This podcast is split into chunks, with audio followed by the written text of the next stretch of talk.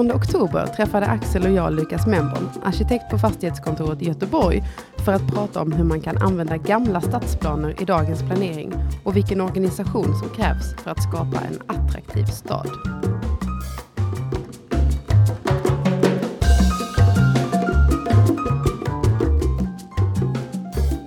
Hej och välkomna till Esplanad, en podd om staden, trafiken och framtiden producerad av Trivector. Jag heter Caroline Ljungberg Olsson. Jag jobbar på eh, Trivectors Lundakontor. Och jag heter Axel Persson och jobbar på Trivectors Göteborgskontor. Mm. Och I vårt förra avsnitt så spelade vi in under Arkitekturfilmfestivalen i Lund, där vi pratade om eh, kollektivtrafik och stadsutveckling kopplat till en eh, film som utspelar sig i Beirut. Ja, och idag befinner vi oss på Göteborgskontoret. Här ett stenkast från Göteborgs centralstation. Och när vi pratade här innan Caroline så kom vi på att det är första gången som vi spelar in i Göteborg. Mm. Trevligt. Ja, det var på tiden. Och med oss idag har vi Lukas Memborn. Han är arkitekt på Göteborgs fastighetskontor och han är aktuell med sitt arbete med att gräva fram Göteborgs gamla stadsplaner. Och för det blev han prisad med 2017 års Jimbypris. Mm. Välkommen Lukas. Ja, tackar så hjärtligt. Ja. Tackar. Hur står det till? Jo då, förhållandevis bra. Det, är lite, det gäller att överleva högkonjunkturen, men sen kan man nog andas ut. Ja. Lukas, du jobbar ju på fastighetskontoret här i mm. Göteborg. Hur, eh, hur hamnade du där? Eh, ja, det var märkligt. Eh, 2009 eh, när vi var på väg i en lågkonjunktur så eh, så var det rätt svårt att hitta jobb. Och eh, då blev jag, eh, trots att det var svårt att hitta jobb, blev jag lite handplockad eh, från skolan när jag pluggade på Chalmers. Och eh, det var till en tjänst som, var, som miljöstrateg som då handlade om att ställa krav på all byggnation som skedde på eh, kommunägd mark. Då. Och egentligen säga till byggbranschen att de har haft fel i 30 år och nu skulle de börja räkna på energiförbrukning och sånt. Eh, sen blev jag kvar, eh, märkligt nog. Eh, och eh, det var ju inte riktigt min plan. Och sen så har det ju successivt då utvecklats till att nu är det mycket stadsplanefrågor eh, istället för eh, byggnader, så som det var i början. Men då mm. trivs du verkar det som. Uh, ja, det är heaven and hell kan jag väl säga. Men det, det, är, det är inte alltid så poppis det man gör då i vissa led och i andra led är det väldigt poppis. Då. Och har man hört dig prata så vet man att du har funderat mycket kring det här, hur stadens form påverkar livet i staden. Ja, ehm, och vid något tillfälle har jag också hört dig säga att du tycker dagens arkitektur är otidsenlig. Oh. Och det vill vi gärna höra med, mer om. Och vi tänkte vi skulle återkomma till det lite senare i podden. Mm. Och först börja eh, prata lite mer om det här med arbetet med de gamla stadsplanerna. Mm. Mm. Du fick det här Jimby-priset förra året för ditt och Josefin Westerlunds arbete med Göteborgs försvunna och framtida innerstad. Ja. Eh, för er lyssnare som inte vet eh, så är Jimby ett nätverk för stadsbyggnad. Mm. Eh, men berätta Lukas, vad, vad ingick i det här arbetet? Jo, ja, det är ju egentligen, jag ska försöka dra en lång historia kort. Det är som så att eh, Göteborg eh, befann sig när jag började 2009 eh, i ett skede där Eh, man tänkte att Göteborg var mer eller mindre färdigbyggt. Man hade haft tomma lägenheter under 90-talet och eh, såg ju kanske inget jättebehov av att bygga nya. Och det, den nya byggnationen den skedde sporadiskt, en liten byggnad där, en liten där. Sen började ju jag och flera märka att vi behöver ha lite systematik och då gjorde vi en eh, utbyggnadsplanering 2012. Och då började vi märka så här att eh, när vi då jämförde hur mycket yta som går åt till trafik, eh, att det var så enormt stora ytor som försvann i form av säkerhetsavstånd och buffertzoner för buller och risker etc. Och de ytorna som då fanns kvar om vi inte började tänka om, det var våra park och naturmark. Och det var mm. där vi då skulle förväntas växa hela Göteborgs eh, behov. Så eh, under utbyggnadsplaneringen så, så styrde vi om då i samarbete med den pågående trafik, eh, eh trafikstrategin som togs fram då att fokusera på knutpunkter och stråk istället för att etablera ny mark längre ut. I det här så, så hade jag ju, eh, ja, i smyg kan jag väl säga, sedan 2009 samlat på mig alla äldre stadsplaner som jag har hittat i de olika arkiven. För det är, ju, det är ju tredje gången jag gör ett liknande arbete. Jag gjorde det förra gången för Borensberg, Motala kommun. Och då kunde jag ju snabbt se då eh, skillnaden mellan det vi planerar idag och den enormt täta bebyggelsen man planerade i äldre stadsplaner på mm. samma geografiska ytor. Så då eh, var det helt omöjligt för mig att få gehör inom eh, kommunen att säga att vi borde lära oss av det här. Så då la jag ut eh, allting offentligt och försökte då via en debattskrift som jag kallar för Infill. Då. Ett fingerat namn men som då satte fingret på den här fastighetsindelningen inom kvarteren. Mm. Och eh, som man hade förut. Idag så har vi ju tappat det. Och, och då visa på i jämförelse med hur mycket ytor i den centrala stan var tidigare i, i en stadsplan och hur tät den var.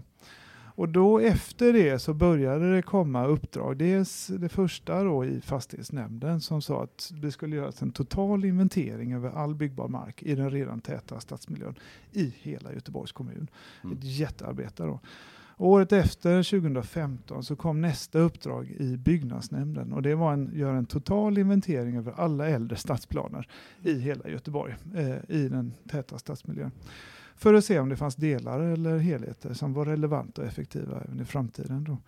Och de här två uppdragen slogs ihop och då blev det ju ett, det är ju ett jättestort arbete egentligen. Eh, och det är från två nämnder ihop, eh, vilket då gör förvirringen. Det här uppdraget det byter namn typ varje halvår beroende på vem som bestämmer för tillfället. Då. Eh, från början hette det då Infill-uppdraget, vilket möjligtvis var en hänvisning till den skriften jag skrev.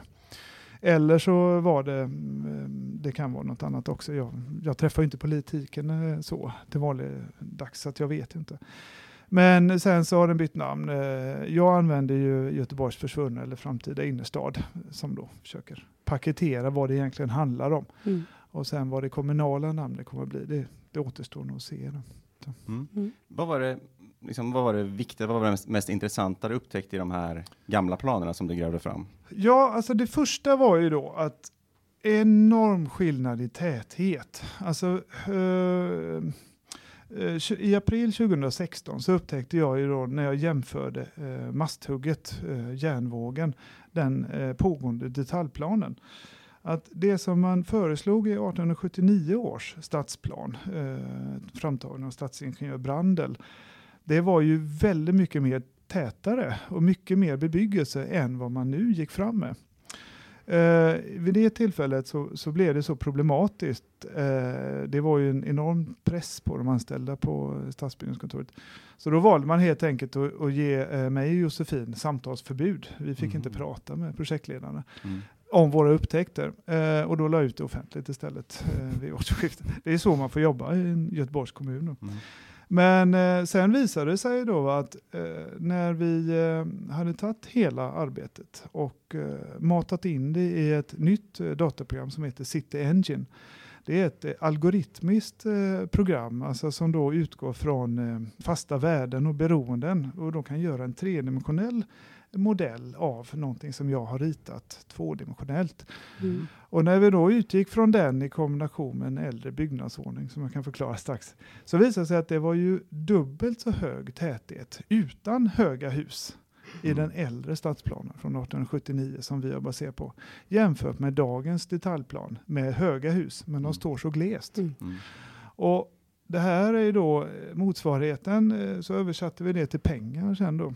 Mm. Och det visar sig att det handlar om en och en halv till tre miljarder som Göteborg har då förlorat i potentiell byggbar mark. I, mast I masthugget, mm. bara i den planen. Mm. Men det här får man komma ihåg att det här är ju då gjort på ett eh, något schematiskt sätt. Så att det är inte, det får, man får avrunda till jämna halvmiljarden mm. ungefär. Så, så precis det är det.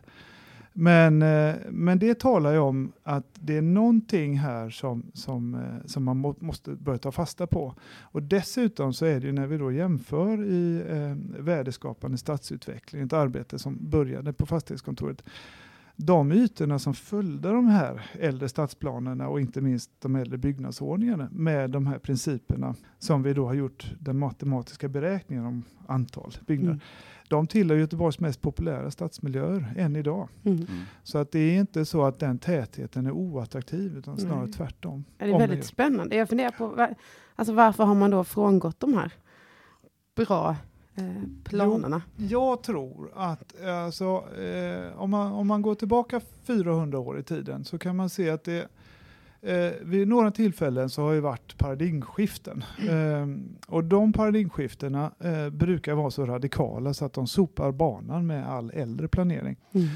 Och det här hände ju eh, exempelvis då vid, eh, i Göteborgs del vid 1860-talet. Då hade vi en jättestor eh, stadsplanetävling. Göteborgs utbyggnad utöver vallgraven. Den var ju så stor så att det var ju flera gånger större än vad den befintliga staden var vid det tillfället. Och den sopade ju banan med äldre idéer som man har haft på utvidgning. Uh, och sen nästa steg var ju då i när Liljenberg tillträdde runt 1907 och då hade man ju tidigare haft vad man kan kalla för ingenjörsplaner. Det är väldigt raka gator. Mm. Liljenbergs idé var ju att man istället skulle då ha eh, följsamma gator som följde topografin. Det vill säga om du hade branta berg så, så tog gatorna en omväg för det blev lättare att gå än att gå spikrakt. Mm. Eh, och det här gjorde att han kastade undan alla de äldre idéerna. Eh, Kungsladgård blev ju något helt annat än vad det ursprungligen var från eh, tidigare planer. Och sen när det riktigt stora paradigmskiftet, det kom ju då i och med Uno Orens tillträde. En eh, stadsplanechef, han tillträdde som stadsingenjör 1931-32 och sen så 35 så tog han titeln stads, eh, stadsplanechef. Han rev upp precis allt då allt som man kunde, vilket han i eh, senare källor eh, har sagt att han ångrade lite då. Mm. Men, eh, men det är ju det steget som Uno Norén tog, där han ersatte då stadsplaner som Albert Liljenberg hade tagit fram under 20 års tid, mellan 1907 till 1927, som han ersätter med i många gånger hälften så hög exploatering. Det är det som är det stora bulken i det som jag hittar nu då i form av, och då är vi extremt centrala ytor. Det är runt nära Avenyn, det är liksom eh, inom, eh, inom den redan täta stadsmiljön. Och den synen eh, är fortsatt idag då? Nej, alltså, vi, nu är vi vid ett paradigmskifte igen och, och eh, det kan man ju säga utefter för att nu så, så är det ju inte längre eh, de idealen som Norén hade som, som står helt emo, eh, oemotsagda, utan man mm. börjar ifrågasätta den, det synsättet. Eh, det kan eh, handla om att ja, men nu är ju fokus på att gatan ska vara även gång och cykelvänlig. Mm. Och Norens eh, sätt var att du skulle få bort gående och cyklar och du skulle höja hastigheten till trafikledsstandard. Och det är ju en idé han framförde i den här skriften Acceptera 31. Då. Mm. Uh, och det här med att integrera bebyggelsen och skapa en stadsmiljö istället för att lägga bebyggelse för sig och trafik för sig. Det, det, det är sånt som man börjar komma tillbaka till nu igen. Då. Och Det intressanta är ju att när man då tar de här nya mätvärdena, alltså, eh, vi bedömer utifrån hur gatunätet hänger ihop, vilka eh, strukturer som skapar A och B-lägen för kommersiella verksamheter de gamla planerna ger ju maxresultat eh, i nästan varenda sätt man mäter på. Mm. Eh, och det är ju för att de är helt enkelt gjorda för att fungera för gång, cykel och handel som är beroende av kunder som passerar förbi. Medan det vi har byggt under sen nu Noréns tid, under 80 år drygt, det är ju, det är ju något helt annat. Mm. Det är ju att du ska åka snabbt igenom stan och bo någon annanstans och handla någon annanstans mm. och arbeta någon annanstans. Mm. Och, eh, så i och med att vi nu är ett paradigmskifte igen, det gör ju det att nu blir de gamla planerna högintressanta. Mm. Det här eh, jättearbetet som ni faktiskt har gjort här ja. med Göteborgs stad, Eh, kan man, skulle man kunna göra något liknande för andra städer? Ja, ja absolut. Mm. Uh, jag tror att Göteborg kanske är perverst jämfört med andra städer som det är så mycket som revs upp. Va? Mm. mm. Men uh, jag menar, när jag gjorde det här senast 2009 i Motala kommun för lilla tätorten Borensberg, då hittade jag ju, fast det är en sån pytteliten ort, så hittade jag två stora stadsplaner från, jag tror det var 1905 och 1920. Och det var Alltså det är ju det är som ett litet villaområde Borensberg, va? men mm. ändå hade de stora boulevarder med trädalléer och det var fondbyggnader med liksom offentlig verksamhet eh, som jag översatte till badhus. Och de hade jättestorslagna planer som funkar hur bra som helst. Mm. Eh, och det som hade hänt i det samhället det var ju att man hade fått in för ökad trafik och man hade breddat gatorna för att passa i 70 km i timmen rakt in i absoluta mitten av samhället.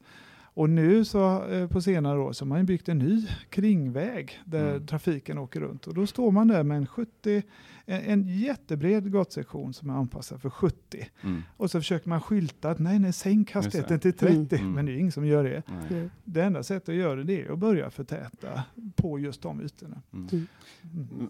För det, vi är inne i ett paradigm, paradigmskifte och man kan lära sig mycket av de här gamla stadsplanerna då. Samtidigt så känns det som att det finns ett alltså det är i många fall finns ett motstånd mot det här och att det finns mm. detaljer när man är på en övergripande nivå som du börjar med. Att, mm. att när man zoomar in så ser man, nej men det går inte för det och mm. det går inte för det. Precis. Finns det något sätt att ta sig an den problematiken? Ja, alltså det svåra är ju att det är så svårt att svara på var befinner sig problemet. Mm. Eh, det första eh, problemet är ju att vi är organiserade i Göteborg på ett sätt som gör det nästan totalt omöjligt. Eh, vi vi finansierade på olika sätt. Vi har uppdelat stadsbyggandets eh, uppgift på fyra olika förvaltningar där alla sitter på sin del. Och när man sen börjar se, ja men var är egentligen problemet? Ja, det första man ryker på det är att jo, men det är egentligen en kommunal norm. Alltså man har satt en kommunal nivå att vi ska ha ett visst antal parkeringsplatser.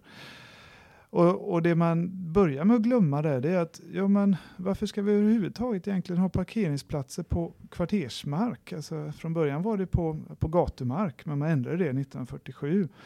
Och varför ska vi ha det under varje fastighet? Du borde egentligen ha det så som i Tübingen till exempel, på en fastighet som då har, täcker hela områdets behov.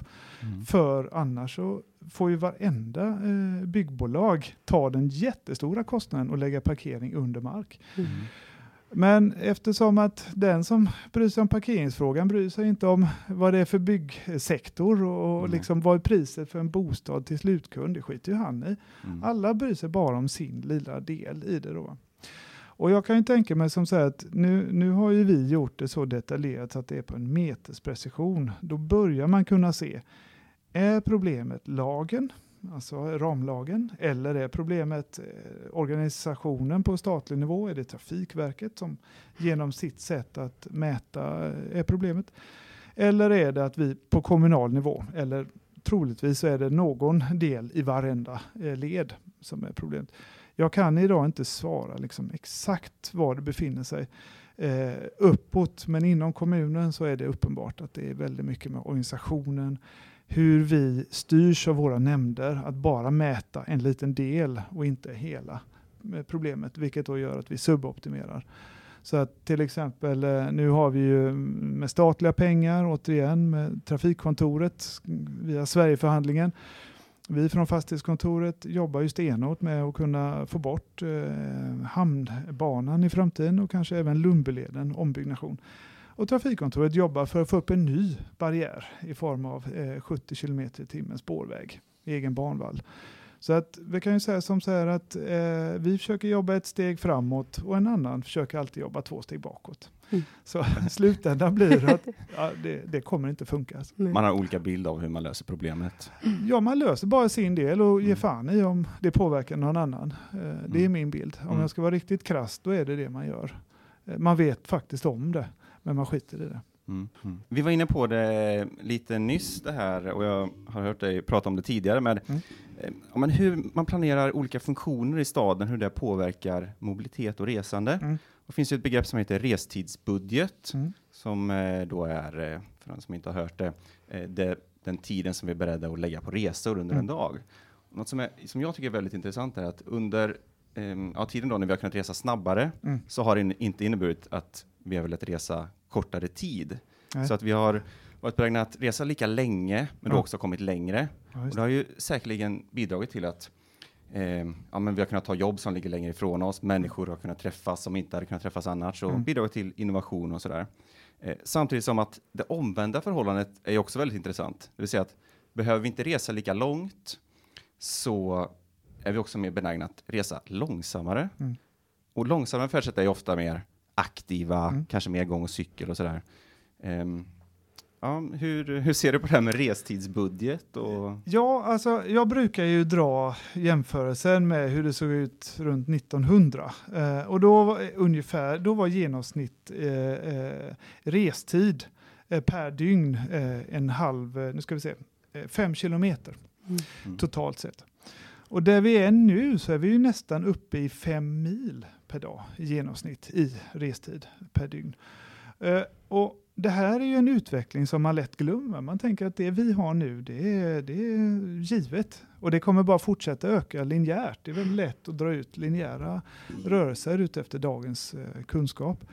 Dilemmat är att jag är ju snarare en tendensen till att tro det på med peak travel. Att vi kanske har nått en viss punkt där det här är inte är, eh, är intressant att bara fortsätta dra ut. Och det som kan hända är ju det du är inne på att när vi har gjort vårt uppdrag så har vi märkt det att de äldre stadsplanerna, de var så stora att du inom 20 minuters cykelavstånd från centralstationen nådde hela innerstan. Men det var också hela den ytan som var bebyggd mm. i de äldre planerna, man pusslade, pusslade ihop det. Och när vi sen då går till eh, Spacescapes analyser och från KTH där man pratar om 20 minuters staden. Alltså att om du har 20 minuters gångavstånd eller mindre så ja, men då kanske du går. Har du längre så kanske du byter till cykel och har 20 minuters cykelavstånd ja, men då kanske du byter till kollektivtrafik om det är längre. Mm. Och det vi har märkt nu är det att om vi nu kan bygga, eh, det, det vår utredning visar att vi har ju hittills, vi kommer ha ännu mer, hittills har vi 33 miljoner kvadratmeter BTA, möjliga byggnation inom 20 minuters cykelavstånd från centralstationen. Vi skulle med andra ord kunna bygga 100 års behov mm. bara inom 20 minuters cykelavstånd i Göteborg. Mm. Så mycket ytor finns det. Ja. Jag tänkte på, eh, men vi vill ju nå ett fossilfritt samhälle och då krävs det ju en rad stora förändringar. Mm. Eh, och en hel del av de här förändringarna måste ske i vårt beteende och i mm. våra sociala normer. Och då sitter jag och funderar här på, hänger det ihop med hur man planerade tidigare? I, i vårt beteende och hur vi faktiskt eh, valde att resa? Ja, det, det, kan man ju eh, verkligen säga. I och med om man tar det här med att man nu har spridit ut stan i köpcentra för sig, kvar finns kontor, bostadsområden för sig etc. och kontorsområden för sig.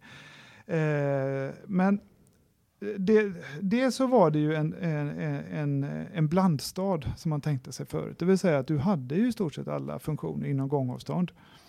Vi skulle idag kunna komma tillbaka till åtminstone inom cykelavstånd utan problem. Alltså mm. de ytorna finns i Göteborg. Eh, på kort sikt till och med. Men eh, sen är det också det att hur de här stadsplanerna eller gatumiljöerna var sammanlänkade inom närområdet gav ju enormt stor effekt. Om man då jämför med vår förortsplanering som vi har haft efter Norén, då har man ju lagt torgen på baksidan mm. eh, och trafikstråk där alla rör sig. Det vill säga att ja då kommer kundunderlaget bli för litet för mm. butikerna och då kommer de stänga ner. Man kommer inte automatiskt till torgen. Nej. Nej. Följdeffekten blir ju då att ja, men till slut så börjar ju befolkningen ta sin bil och köpa till åka och handla vid extern handel istället. Det, det, ena ger det andra. Mm. Medan förut så var det ju eh, till, ännu mer innan Liljenberg faktiskt, så var ju fokuset att ja, men kommersiella verksamheter, det styrde sig själv. Och de ville hamna vid de mest kommersiellt lämpliga ytorna. Mm. Och, och, där blev torgen förlagda och där uh, funkade verksamheten. Mm. Och de mm. lokalerna funkar än idag.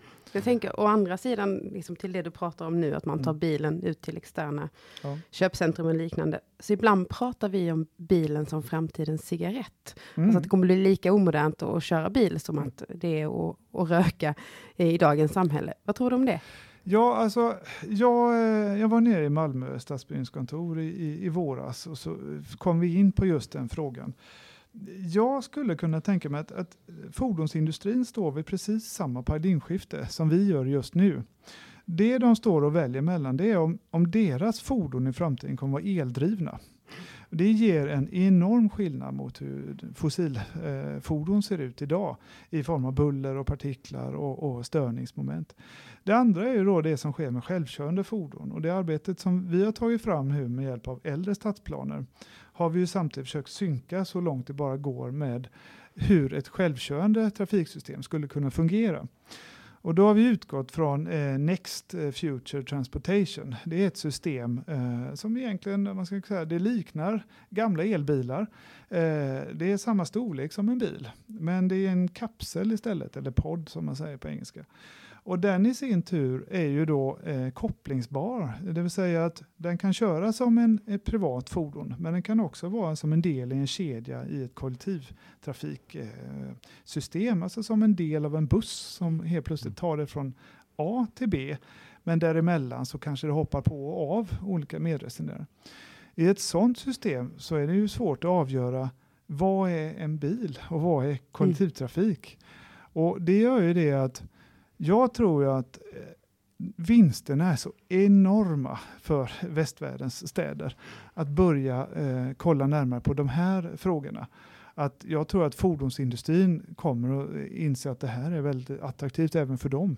Att gå över till att bli ett res ett företag som jobbar med resor istället för just produkten bil. Då. Mm.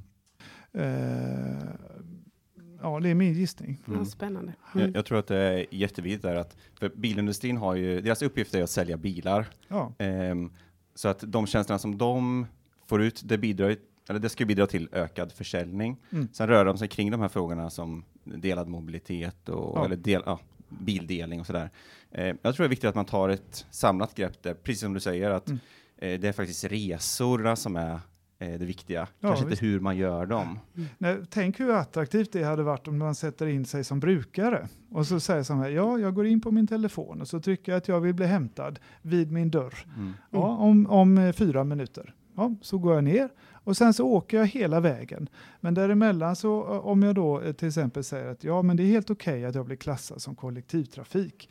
Det vill säga att det kan hoppa av och på personer i den här kapseln om jag gör det valet, det vi har gjort i utredningen, det är ju att prioritera upp kollektivt resande i hela gatunätet. Så vi har ju då i den här eh, stadsplaneanalysen som vi håller på med så har vi vikt vissa huvudstråk där kollektivtrafik får ett eget körfält rakt igenom hela. Mm. Men det kräver att du reser kollektivt oavsett om det är självkörande kapsel eller om dagens bussar till exempel. Då. Men det här gör ju då att om, det här, eh, om du ska vilja åka kollektivt så måste du få en fördel. Och den fördelen i vår värld är att du får köra i 40 km i timmen i det här körfältet i mitten av gatsektionen. Mm. Medan lokal trafik som då vägrar att eh, klassas som kollektivt mm. degraderas ner till lokal eh, trafiknivå på 25-30 km i timmen. Och när man då inte blandar kollektivt resande med privat resande så får du de där fördelarna eh, utan att öka till 70 km i timmen och skapa nya barriärer. Det går att lösa på annat sätt. Mm. För ytan finns, det har jag ju märkt nu va, i inventeringen. Mm. Ja, men det, blir, det blir superviktigt med att eh, tänka över vad är det för stad vi vill ha ja. eh, och hur, ja, men hur styr vi faktiskt den här utvecklingen som kommer ske.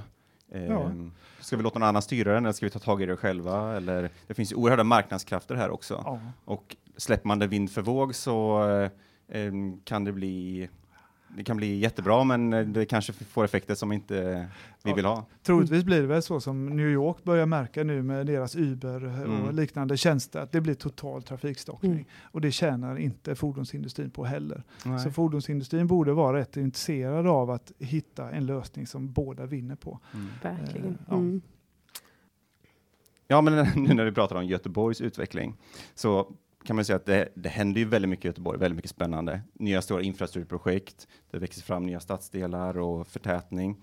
Eh, samtidigt som att det finns ju ett, får man väl ändå säga, ganska stor eh, ovilja mot förändring i mm. Göteborg och mm. det hackar i många av de här stora centrala stadsbyggnadsprojekten. Mm. Men hur ser du på Göteborgs väg framåt nu? Ja, alltså jag tänker som så här att om, jag får ju ofta höra att eh, det jag inventerat fram är ju kvartersstad och det kanske var aktuellt på 1800-talet. Men nu ska vi bygga framtidens stad. Dilemmat när man säger så, det är att man inte har eh, läst hela bilden. Det som de här äldre stadsplanerna eh, har i eh, relation med nästan bebyggelse i städer under 8000 år. De är så grundläggande att det finns mängder av eh, grejer som är mycket mer effektiva i dem än dagens planering. Varför dagens projekt eh, haltar, eh, det beror väldigt ofta på ekonomiska faktorer. Att man då så som man gjorde förut, man började med pengarna. Mm. Det tar vi sist mm. idag. Yes. Och eh, det är ju en stor anledning. Sen är det också så att det som byggs idag är ju väldigt sällan i mina ögon det som egentligen befolkningen efterfrågar. Utan det är det som eh, kanske är lämpligt för en viss aktör på en viss eh, yta mark. Men inte det som löser hela stadens behov.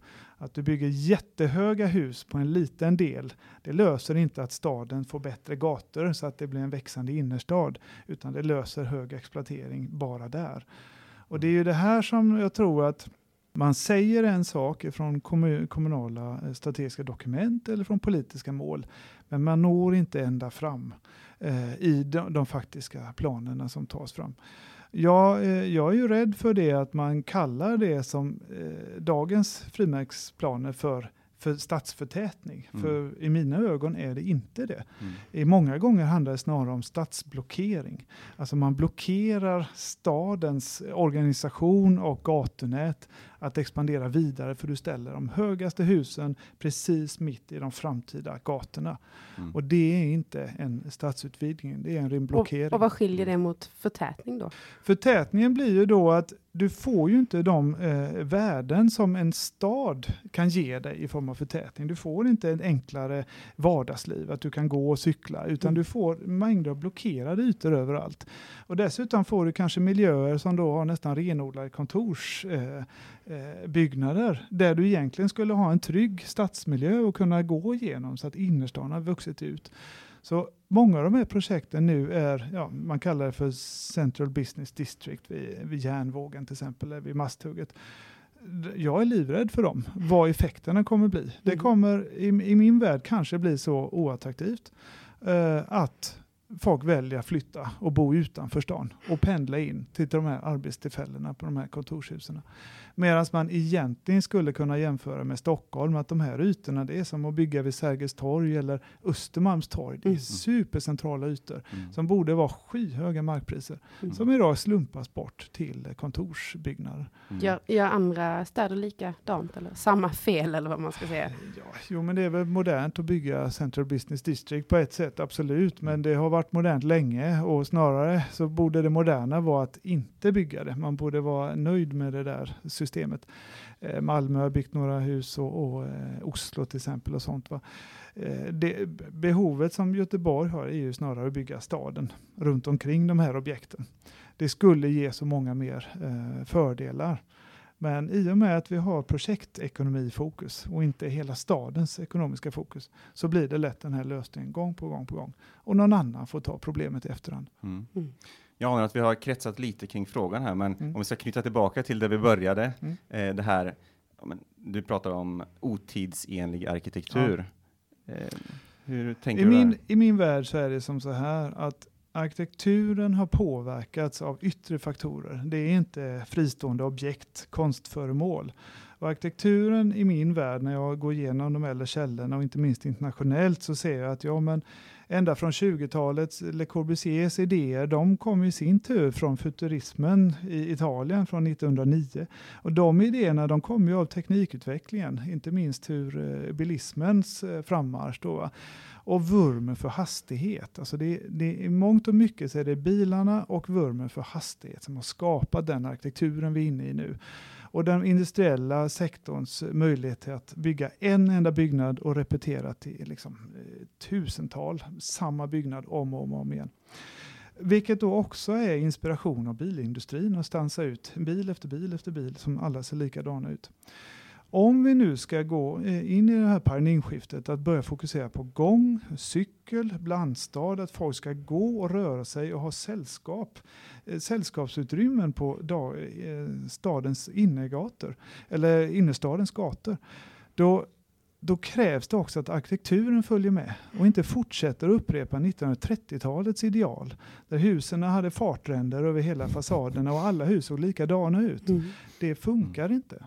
Stadsplaneringen står nu inför ett jättestort paradigmskifte och arkitekturen måste följa efter, annars är den eh, otidsenlig. För vi är inte längre i samma situation som Uno Ren och de andra var när de skrev Acceptera på 1931. Nu är vi i raka motsatsen. Och därför så, och det här har inte arkitektkåren hängt med på tidigare och jag får mycket kritik för att jag gick ut och sa detta. Men i och med att jag då ser att det är stadsplaneringen och tekniken och ekonomiska faktorer som faktiskt har påverkat arkitekturen så är, är det här en jätteviktig aspekt att ta med även för oss husarkitekter. Det är ju vad jag är i grunden. Mm. Mm. Låter som vi har en hel del att göra. Ja, ja. men det är bra. Ja. Vi ska ha att göra. Absolut. Ja. Det börjar bli dags för oss att runda av det här yes. avsnittet. Eh, superspännande. Det känns som att här skulle vi kunna stå kvar eh, länge till mm. och diskutera de här eh, frågorna. Ja, vi hade kunnat prata. Ja, det är jättespännande. Ja. Vi kan prata hur länge som helst, det känns det som. Eh, men innan vi rundar av tänkte mm. vi eh, att vi skulle fråga dig, vad tror du kommer vara det viktigaste, liksom det vi bygger idag, vad kommer vara det viktigaste för att kunna skapa en bra stad i framtiden?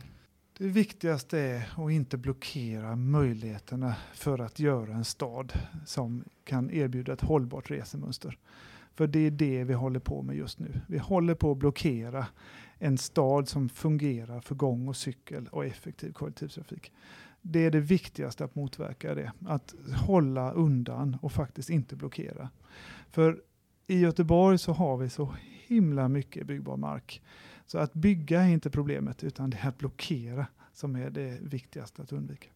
Mm. Och där har vi receptet för en, för en god stad helt enkelt. Ja, ja. Härligt. Ja. Stort tack för att du ville gästa Esplanad. Mm. Tack så mycket. Mm. Hej då. Hej, hej. Vill du veta mer om podden eller om Trivector? Besök då trivector.se. Och har du tips eller tankar om podcasten? Hör av dig till esplanad.trivector.se.